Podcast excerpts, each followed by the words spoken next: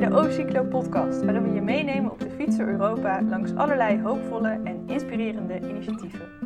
Ik ben Els en vandaag spreek ik met Patrick Knuppen van de New Energy Coalition in Groningen. Ja, hallo. Ja, hoi, welkom Patrick. Uh, Patrick is betrokken bij het Heaven-project in de Hydrogen Valley in Groningen.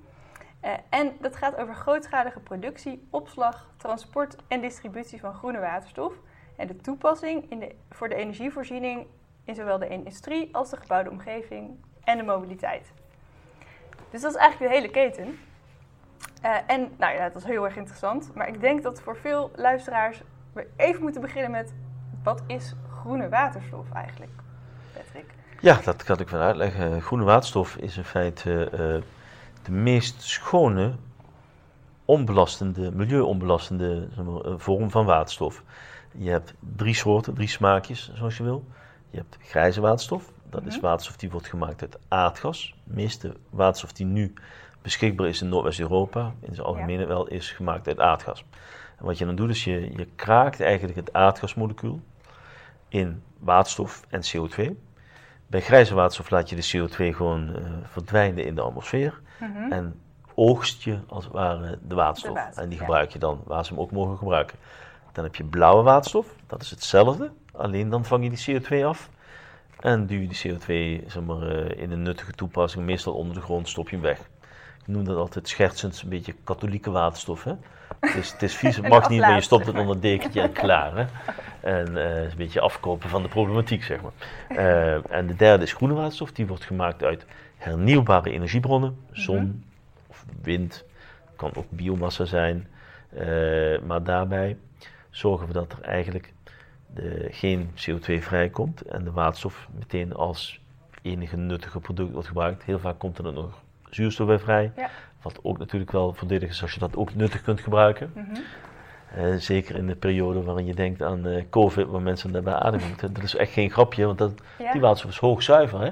Ja. Die is dus medicinale kwaliteit. Nee, de zuurstof. De, de, zuurstof, de zuurstof inderdaad. Dus die kun je ook heel goed gebruiken in dat soort toepassingen. Dus er zijn je bent altijd op zoek naar meervoudige toepassingen, meervoudige toepassingen, omdat daar een, een beter businessmodel in zit.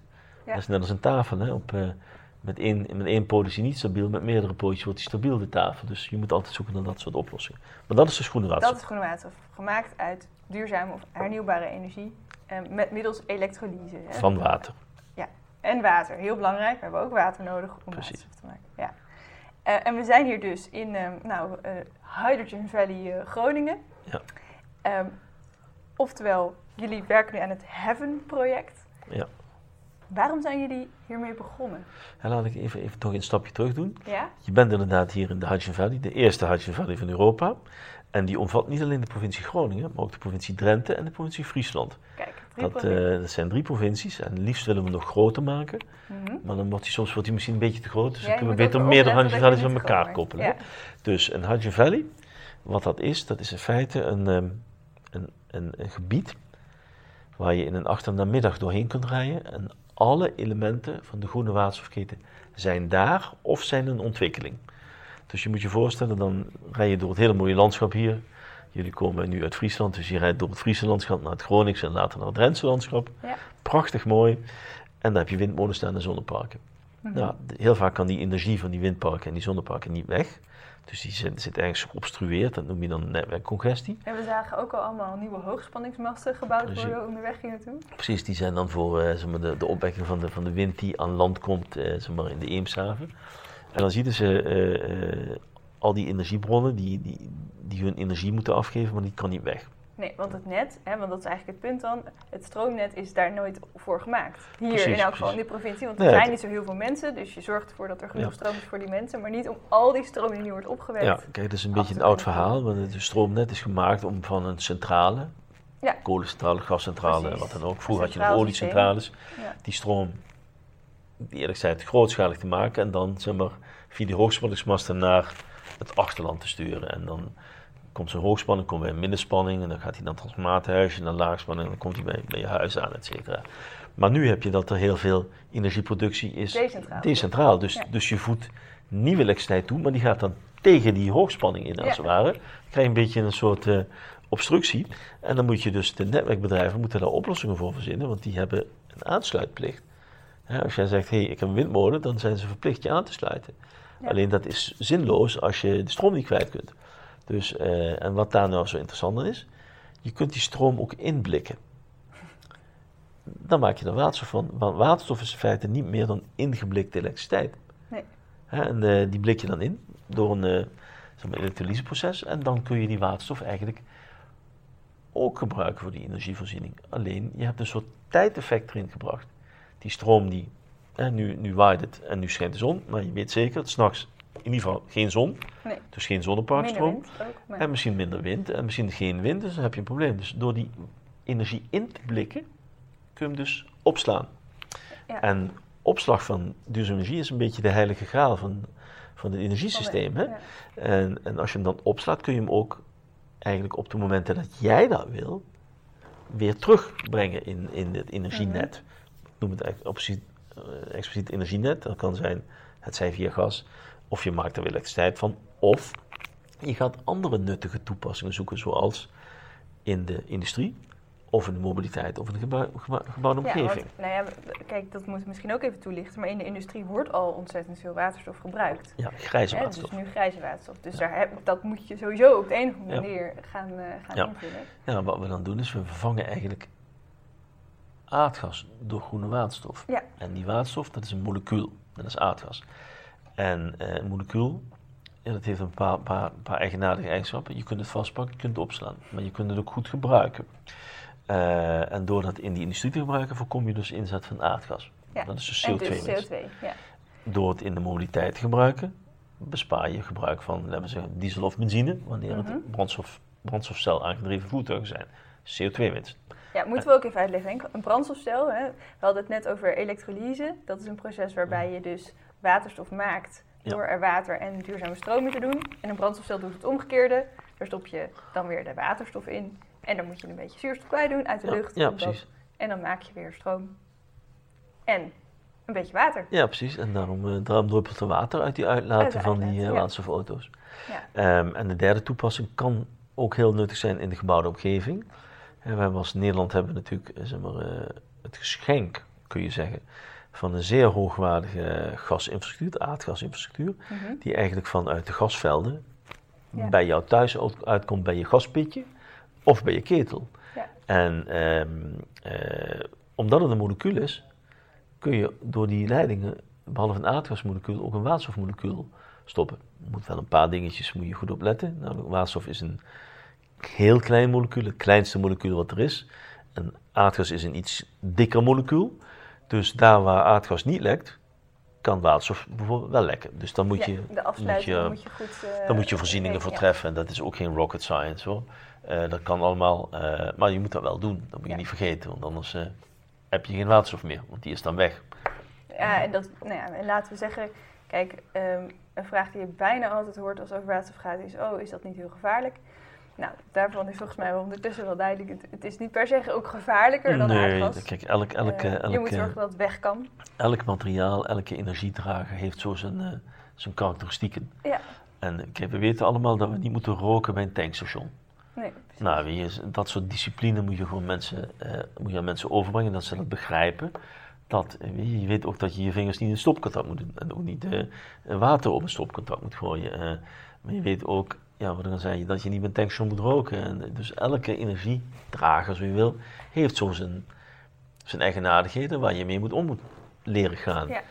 Nou, laten we dan meteen nog maar zo eentje erin gooien. Want we zeggen nu, nu net van, oh ja, die waterstof dat is heel handig en dan kunnen we het opslaan Mhm. en op een ander moment gebruiken. Nou, er zijn ook heel veel mensen die zeggen, oh, maar daar kunnen we toch batterijen voor gebruiken. Dat klopt, dat kun je En, ook gebruiken. Ja, als je dag-nacht opslag hebt, daar hadden we het al even over. Als je het s'nachts nodig hebt of s'avonds, als je zonnepanelen het niet doen, nou ja, oké. Maar volgens mij is het punt juist met waterstof dat je het eigenlijk zo lang kan opslaan als je wil. Ja, kijk, als je, een, een batterij is echt een hele goede techniek. Ja. Alleen, eh, als je eh, heel veel energie wil opslaan, dan moet je dus ook heel veel batterijen hebben. Ja. En daar wringt de schoen. Want je kan in zo'n batterij gewoon niet zoveel energie kwijt, per, laten we zeggen, per oppervlakte in of per volume, Per gewicht Eh, ja. als waterstof. Kijk, dat waterstof, dat, dat, weet je, dat maak je. En dat kun je gewoon in ondergrondse opslagen opslaan. En niet elke opslag is geschikt, maar zoutcavernes Mhm. zijn zeer geschikt. En die hebben we juist hier in het noorden. Ja. En dat zijn hele mooie zoutcavernes. En de- ik denk wel de mooiste van Europa in ieder geval, wat ons Mhm. betreft. Daar zit nu al, in sommige cavernes wordt nu al aardgas opgeslagen. En je kunt nieuwe cavernes ontwikkelen om waterstof in op te slaan. Ja. En je moet je voorstellen, in Veendam Ja. is een hele grote ondergrondse zoutberg, die drie kilometer hoog is. En die is van een perfecte kwaliteit, zou je bijna kunnen zeggen. En in feite zorg je dat je in zo'n caverne...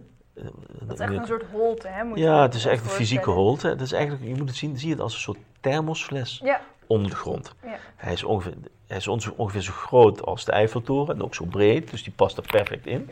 En dan kun je heel veel waterstof in opslaan. Ja, precies. Oké. Dus maar dat is nog wel goed, denk ik, om te noemen. Dat, dat batterijen ook niet voor alle toepassingen altijd... Batterijen zijn zeker niet overal. Bovendien, ze lopen ook leeg, hè. Dus als je een batterij een half Ja. jaar in een hoekje zet...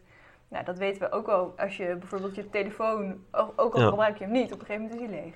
Ja, precies. dat- Wel teleurstellend als je dan wil bellen. Hè? Ja, Eh, maar kijk, eh, eh, het, het is en, en het zal Ja, en batterijen precies. zijn en waterstof en misschien nog wel andere. hopelijk innovatieve nog andere dingen. die we gaan verzinnen. ehm, Ja. En eh, daarom ben ik ook wel een voorstander van, van coexistentie tussen waterstof en Ja. batterijen. En niet het een of het ander, het is het een en het ander. Nou, misschien is dat wel een mooi bruggetje, want eh, we zijn hier vandaag. Op dit moment zijn we op Groningen Airport, wat eigenlijk in Drenthe ligt. Ja. En eh, daar wordt ook nagedacht over waterstoftoepassingen, maar ook over eh, elektrisch vliegen. Ja, zeker, zeker. Kijk, eh, of je nou elektrisch rijdt of elektrisch vliegt, dan is de stad naar waterstof elektrisch heel klein. Ja, Want, want, dat is ook goed denk ik om te zeggen. Waterstof elektrisch is ook gewoon elektrisch, hè? Dat- Ja, precies. Gewoon een elektrisch voertuig, alleen, alleen de batterij Ja, is waterstof. Ja. Dus eigenlijk heb je gewoon zeg maar een ander soort energieopslag aan boord. precies. Ja. En daar, weet je, voor auto's en voor vrachtwagens is dat goed op gang. Moet natuurlijk nog veel groter en veel meer, et cetera. Maar bij vliegtuigen, ja, weet je, dat zijn wel eh, objecten die wat meer aandacht behoeven. Ja. Eh, en laten we eerlijk zijn, een jumbojet vol met batterijen komt niet echt ver. Hè? Die komt niet echt eh, van de landingsbaan af. En met waterstof zou dat Ja. misschien wat praktischer zijn, omdat waterstof ook wat lichter is. Maar je moet wel goed kijken naar hoe je het tanks zijn opslaat. dan wel weer een, een Ja. probleem. En dan krijg je ook vragen bij, bij kijk, je moet natuurlijk klein beginnen. En dan begin je met opslag van waterstof als gas Mhm. aan boord. In, een- in een gascilinder, in feite. Een, een lichte gascilinder. Dus niet zo'n stalen ding, Ja. wat je in het ziekenhuis hebt, maar een lichte composiet eh, tank. Dat kan. Dan moet je er een brandstofcel hebben. Dat is in feite gewoon zeg maar, de motor die elektriciteit maakt, die weer in die elektromotor gaat om die propeller aan te drijven. Ehm, nu heb je al zeg maar, elektrische vliegtuigjes, twee zitters, vier zitters. En er komen al waterstofvliegtuigen aan, ook twee zitters, vier zitters. Ja. Maar voordat dat echt zeg maar, eh, grote carriers zijn, dus die eh 300 mensen heen en weer vliegen, dat duurt wel even. Maar we zien wel dat mogelijk is over een jaar of vijf tot tien Ja. ook toch al een tien of misschien wel twintig mensen in een waterstof elektrisch aangedreven vliegtuig eh, te zetten en dan bijvoorbeeld lijndiensten te doen Mhm. in Europa. En Ja. dan moet je dus kijken naar afstanden, et cetera. Nee, dat is een beetje hetzelfde Ja. als met elektrisch eigenlijk. Hè. Er wordt ook naar die meer de kortere as, de lijndiensten. Ja, precies. Kijk, en het voordeel is, kijk, het heeft geen uitstoot. Nou ja, waterdamp, juist heel hoog in de lucht, een groot eh, broeikaseffect heeft. Ja, dat is zo, dat is zo. Maar ja, eh, eh, Hoe- elk, is nadeel dat- heeft, dat- elk voordeel heeft een nadeel. Ja, Eh, ben met je eens, waterstof, waterdamp is het meest potente broeikasgas wat er is. Het is ook het meest aanwezig hè, ja, eh, in die zin. Dus je moet wel goed kijken naar die effecten. Dat is zeker Ja. zo, want ja, eh, transcontinentaal vlieg je heel hoog, dus dan zit je echt wel in, in ja, hoge als, je, lagen. als je boven de wolk zit, zeg maar, maar ja, boven waar normaal dan de waterdamp Ja. blijft hangen, dan zou het best een groot maar als je, als je hebben. kijkt voor regionale vluchten, bijvoorbeeld van hier naar Kopenhagen, bijvoorbeeld van hier naar Southend, dat zou Mhm. echt een droom zijn. Dan hebben we echt eindelijk die zero-emission verbinding met, met Londen ja, En met Kopenhagen, met andere steden, dat past heel goed bij de regio.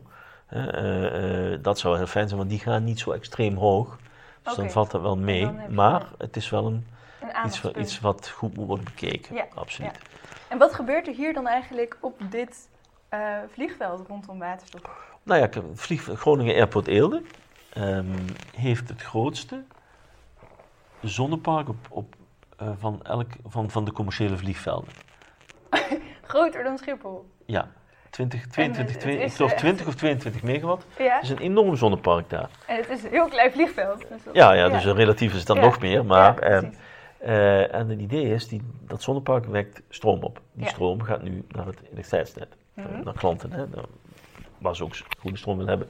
Maar wij denken dat het heel zinvol kan zijn om daar een kleine electrolyzer neer te zetten, Ja. zodat die electrolyzer die, water, die, die energie inblikt en ter, ter beschikking kan stellen aan de zogenaamde landside en airside operations van het, vliegtuig, van het vliegveld. Eh, je, die waterstofvliegtuigen die zijn er nog niet, maar je kunt die waterstof wel gebruiken voor alle landoperaties op zo'n vliegveld. Je moet je voorstellen, eh er rijden heel veel karretjes rond, heel veel autootjes. Nou, die kun je waterstof zetten.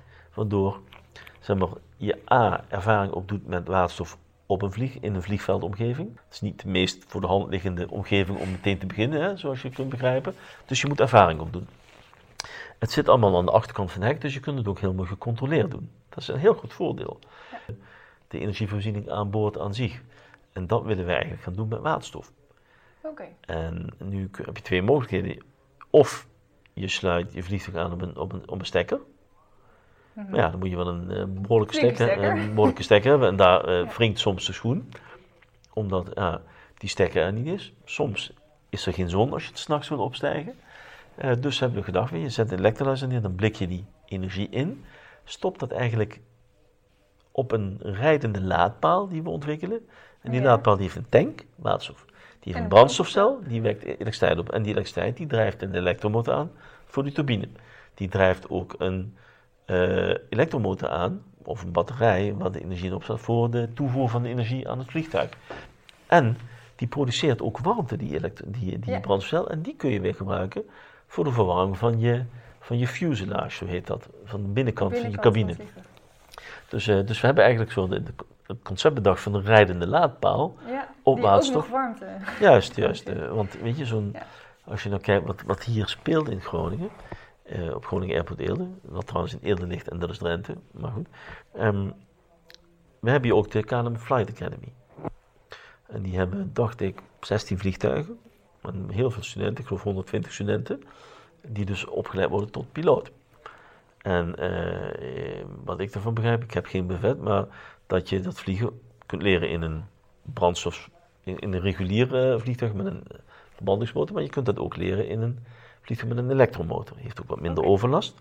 Maar die vliegtuigen als ze elektrisch zijn, moet je ze ook opladen. Nou, dat is een laadpaaltje wat iets anders is dan een snellader voor een auto.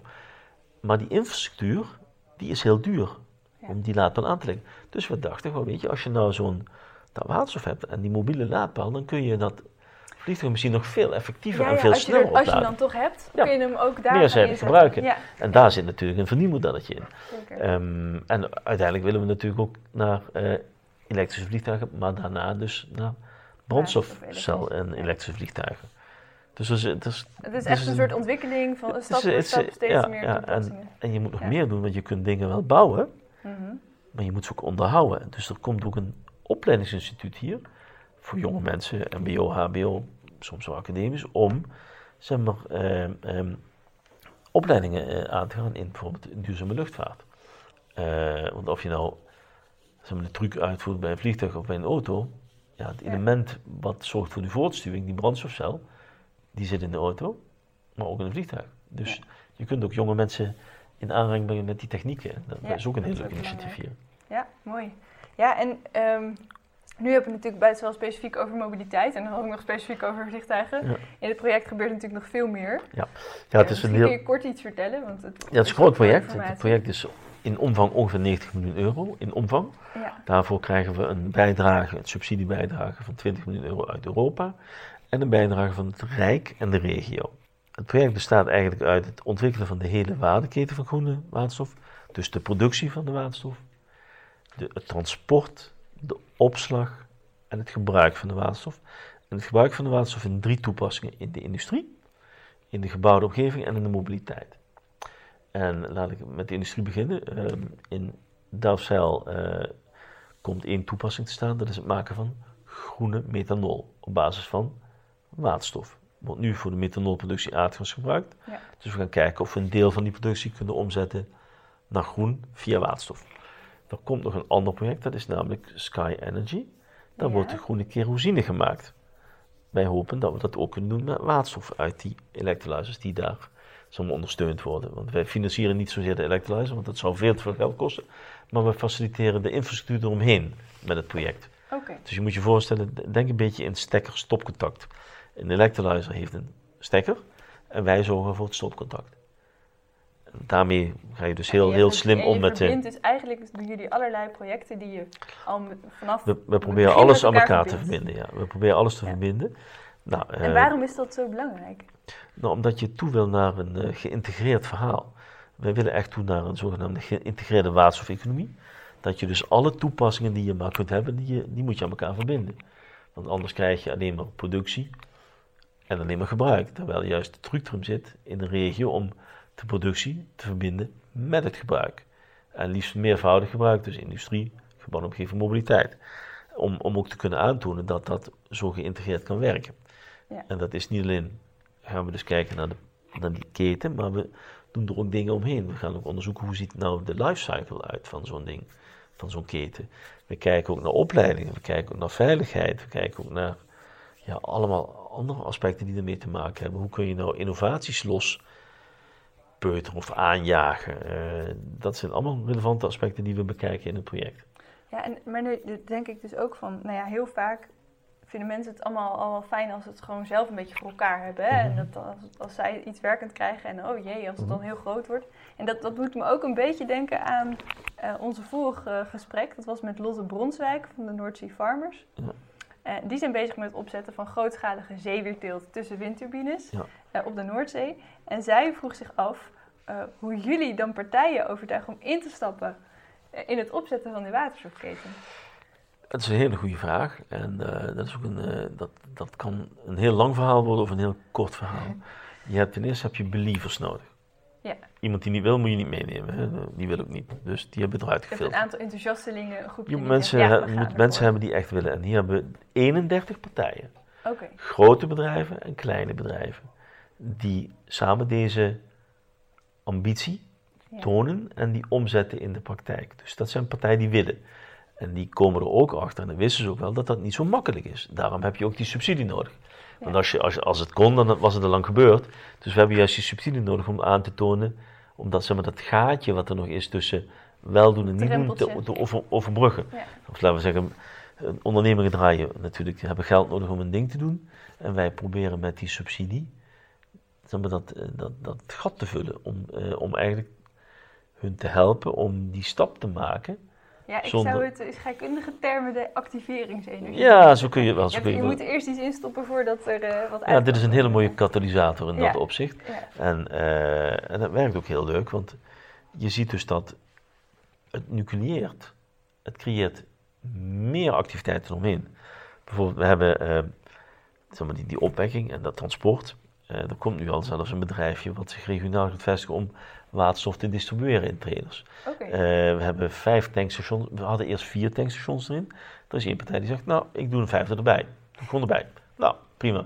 We hebben eh, 100 passagiersvoertuigen, 10 zware trucks, eh, verschillende utility trucks, dus afvalwagens en zeg maar, wat we noemen light utility vans. Dat zijn in feite busjes.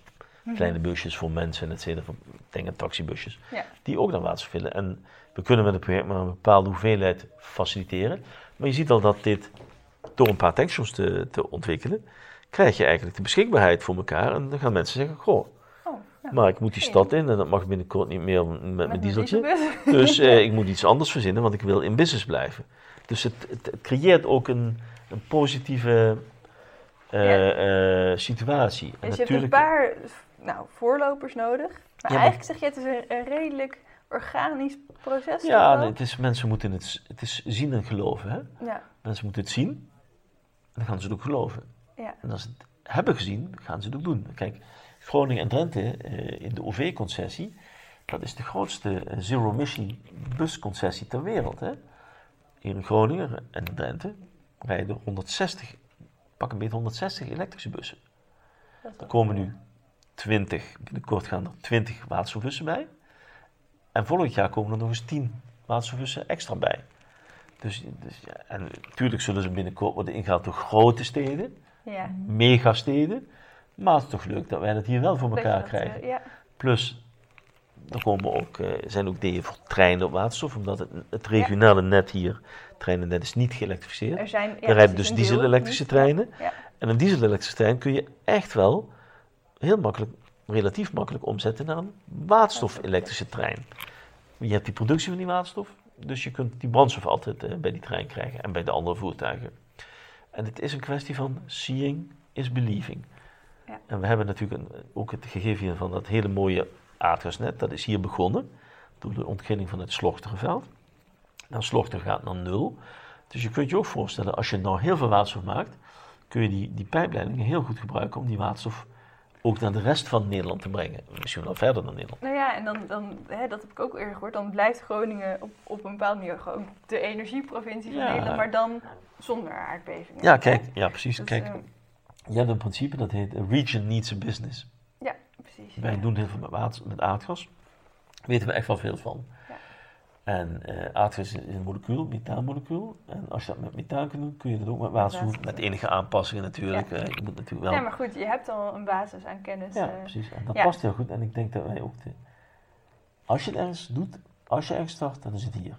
ja, En nou, dat is heeft duidelijk. Europa ook gezien door Ja. ons zeg maar, te helpen met die, status met die, van met die Hydrogen status van Valley. Hydrogen Valley. En we zijn de eerste Hydrogen Valley in Europa in dat opzicht. En we hopen en we willen ook andere regio's helpen om ook Hydrogen Valleys te worden.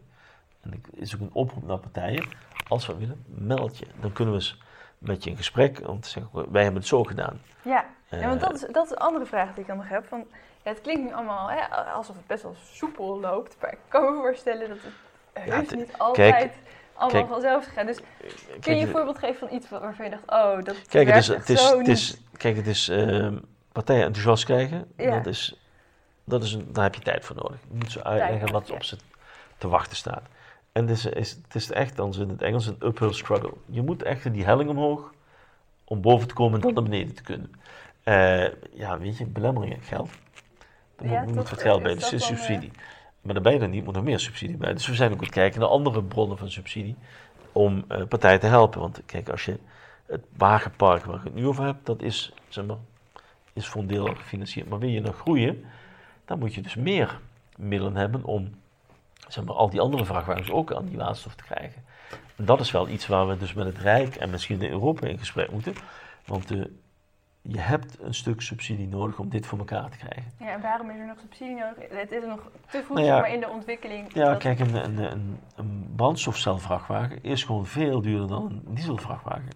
Dus je moet die ondernemer die nu die dieselvrachtwagen rijdt, ook comfort kunnen bieden dat wanneer die de overstap maakt, dat dat geen eh, zeg maar, eh, kiss of death is.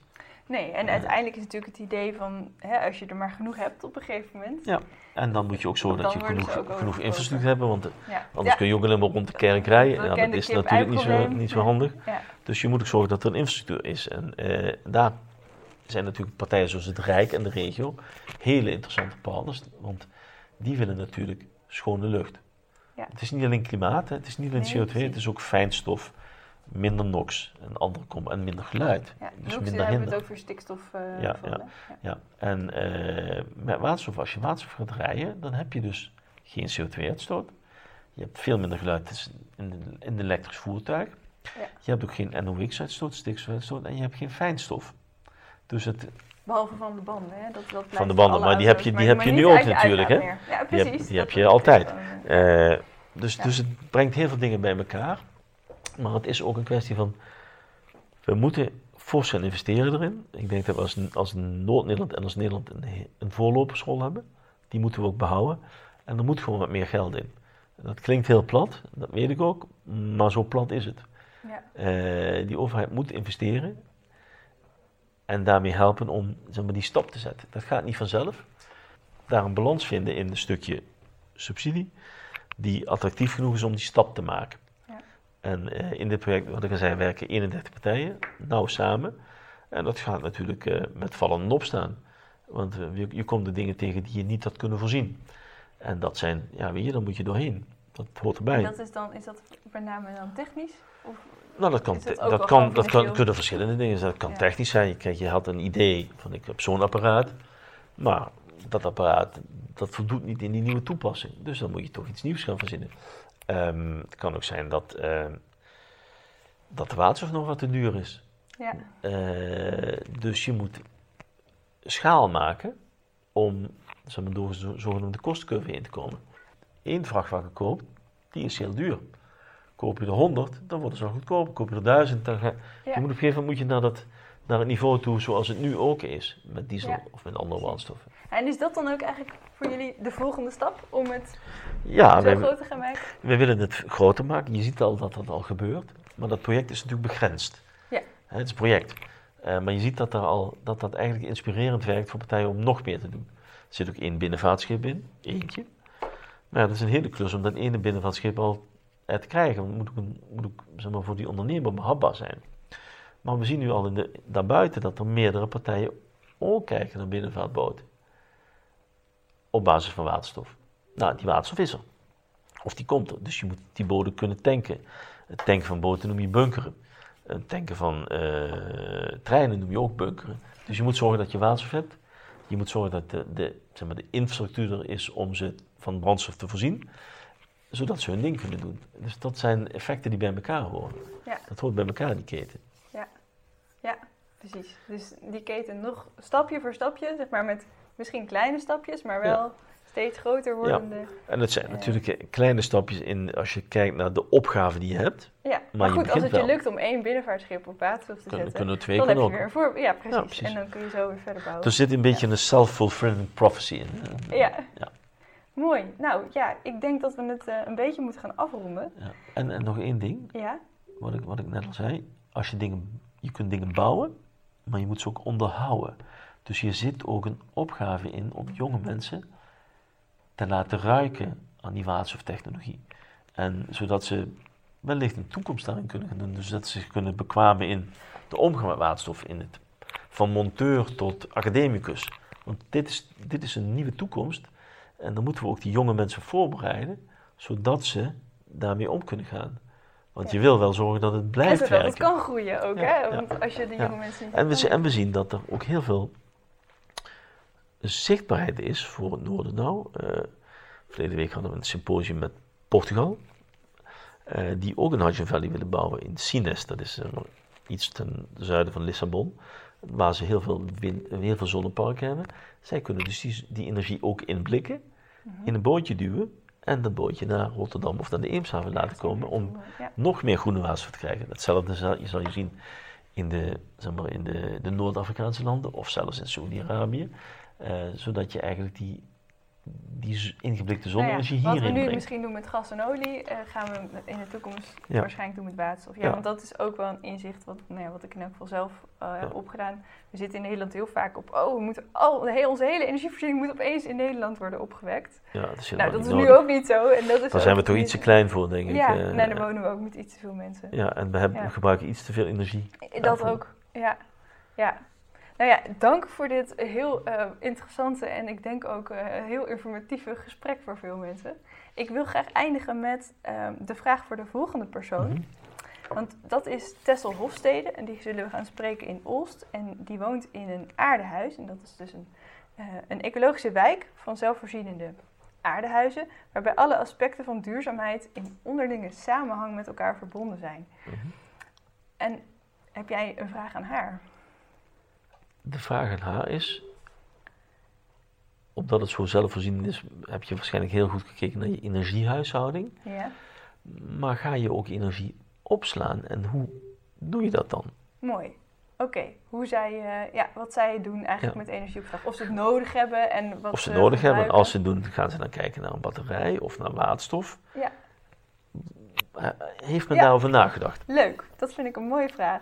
Dankjewel. Graag gedaan. Dankjewel Patrick. En eh, een goede reis. Fiets toch verder. Ja, precies. Nou, hartstikke goed. Ja, dank voor het luisteren dan weer naar deze O-Cyclo podcast. En tot de volgende keer.